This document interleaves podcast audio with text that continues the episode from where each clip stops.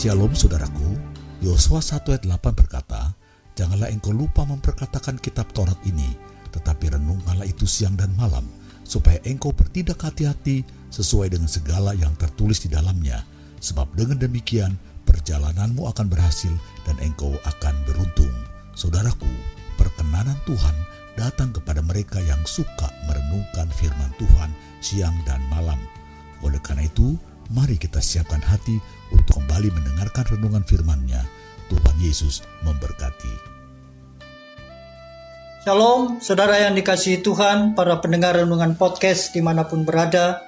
Saya berdoa, saudara sekalian sehat-sehat saja dan tetap semangat. Percayalah, dalam kondisi apa pun, Tuhan sanggup menolong, memberkati, dan meluputkan kita. Puji Tuhan. Firman Tuhan pada hari ini terambil dari Yosua 6 ayat 20. Lalu bersoraklah bangsa itu sedang sangkakala ditiup. Segera sesudah bangsa itu mendengar bunyi sangkakala, bersoraklah mereka dengan sorak yang nyaring. Maka runtuhlah tembok itu, lalu mereka memanjat masuk ke dalam kota, masing-masing langsung ke depan dan merebut kota itu. Meruntuhkan tembok persoalan. Saudara yang dikasih Tuhan, Bagaimana kita bisa meruntuhkan tembok Yeriko di dalam kehidupan ini? Tembok Yeriko berbicara dengan tembok persoalan, berbicara dengan berbagai masalah, berbicara dengan berbagai krisis yang terjadi dalam kehidupan kita. Hari ini kita mau belajar dari kebenaran firman Tuhan yang terambil dari Yosua 6 ayat 20 di mana bangsa Israel boleh merobohkan tembok Yeriko. Saudaraku, tidak ada jalan lain selain kita harus mengikuti perintah Tuhan, seperti yang dilakukan oleh orang-orang Israel. Ketika Tuhan memerintahkan mereka untuk mengelilingi tembok Yeriko selama tujuh hari berturut-turut, mereka mau taat.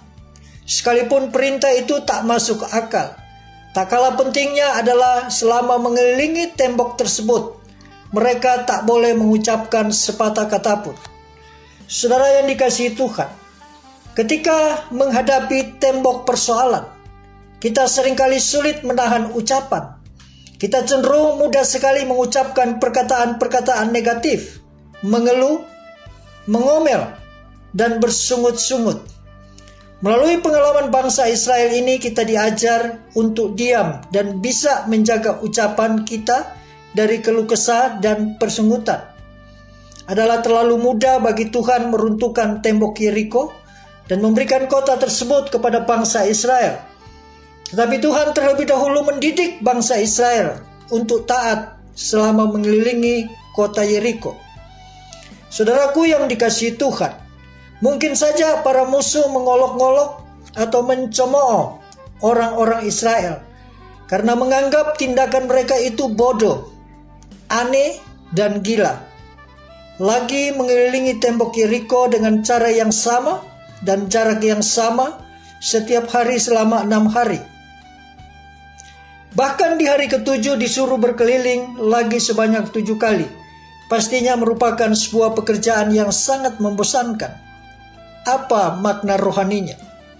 Tuhan hendak mengajar mereka tentang ketekunan dan kesabaran.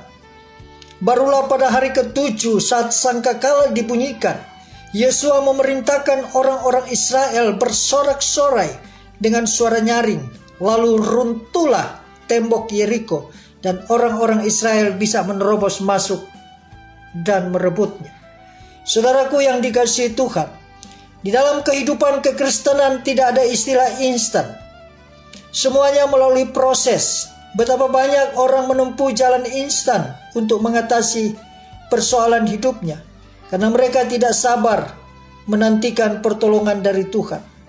Ketaatan melakukan kehendak Tuhan menghasilkan mujizat dan kemenangan besar.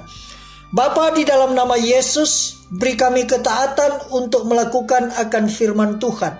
Mampukan kami untuk menjalani proses di dalam pimpinan dan kehendak Tuhan karena itulah yang akan membawa kepada masa depan. Itulah yang akan membawa kami berjumpa dengan Kristus lewat pertolongan-pertolongan yang ajaib. Karena di dalam mendapatkan jawaban secara instan, menolak akan proses, sering kali kami lebih banyak mengalami persoalan demi persoalan. Itu sebabnya kuatkan kami Tuhan, supaya dalam kondisi apa pun kami siap diproses dan dibentuk olehmu demi hormat kemuliaan bagi nama Tuhan. Terpujilah Bapa, di dalam nama Yesus kami berdoa. Haleluya. Amin. Puji Tuhan, saudara yang dikasih Tuhan. Saya percaya firman Tuhan menjadi berkat dan kekuatan buat saudara semua. Dan roh kudus akan memberikan pemahaman yang lebih dalam tentang kebenaran firman Tuhan. Tuhan Yesus memberkati saudara semua. Sampai jumpa dalam renungan yang berikutnya. Haleluya.